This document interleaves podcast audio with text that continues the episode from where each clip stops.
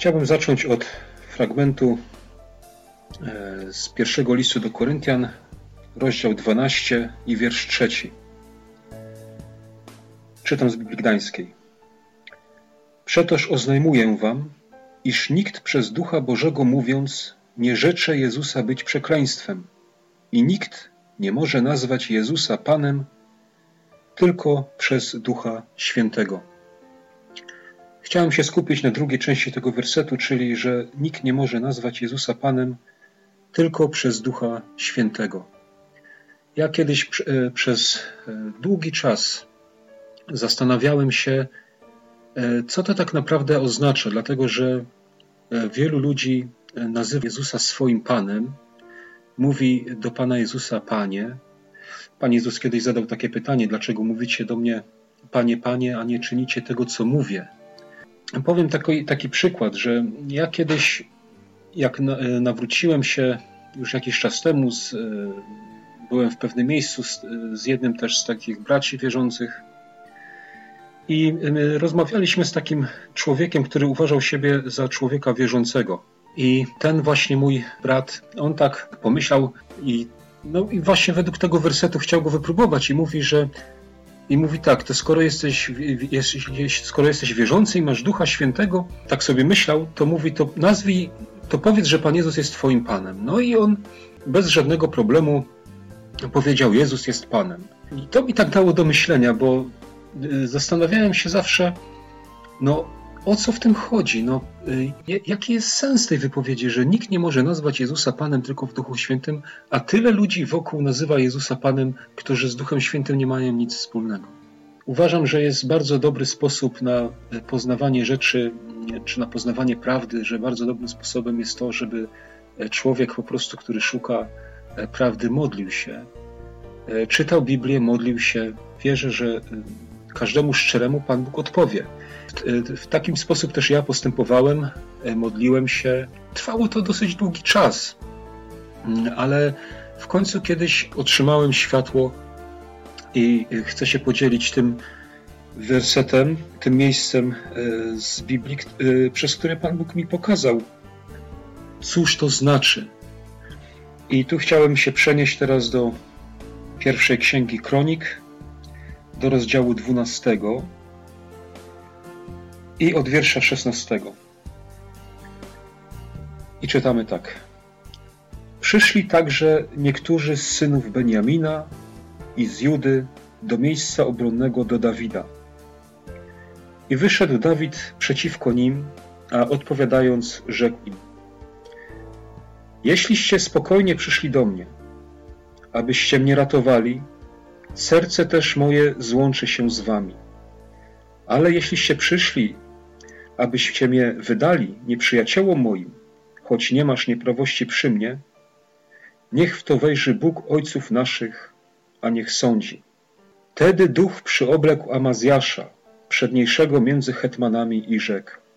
Twoimiśmy, o Dawidzie, a z Tobą przystajemy, synu Isajego. Pokój, pokój Tobie i pokój pomocnikom Twoim, gdyż Ci pomaga Bóg Twój. A tak przyjął ich Dawid i postanowił ich hetmanami wojska. I to jest ten fragment, którym dla mnie Pan Bóg odpowiedział na moje pytanie, które miałem w sercu, co to znaczy nazwać Jezusa Panem. Zobaczmy tutaj, że w tym miejscu jest napisane, że przyszli niektórzy z synów Beniamina i z Judy do Dawida, do miejsca obronnego. Ja, jak patrzę na ten fragment, to widzę, że oni po prostu przyszli, sami przyszli. E, tam e, tak jakby nie było, to nie jest tak, że Duch Święty przyoblekł ich i oni przyszli, tylko oni po prostu przyszli. Ale jak miało dojść do e, tego wyznania, jak Dawid się ich pytał, czy przyszliście w, jakich, w jakim celu, czy spokojnie przyszliście do mnie, nie, żeby być ze mną, to wtedy, w tym momencie dopiero widzimy, że tutaj duch przyoblekł Amazjasza. To jest dla mnie takie bardzo wymowne w tym miejscu, że wtedy duch przyoblekł Amazjasza i w tym miejscu on, on, co on powiedział, Twoimiśmy, o Dawidzie, Twoimi jesteśmy, do Ciebie należymy. To jest to wyznanie, do którego potrzeba Ducha Świętego. jeśli w tym miejscu tutaj Dawid e, obrazuje nam Pana Jezusa, a Amazjasz na przykład mnie, i wtedy jak Duch Święty zstępuje na mnie, to jestem w stanie uczynić Pana Jezusa swoim Panem, w tym sensie, że Twoimi jesteśmy, Twoim jestem, czyli do Ciebie należę. Jestem Twoją własnością, Ty możesz mną rozporządzać.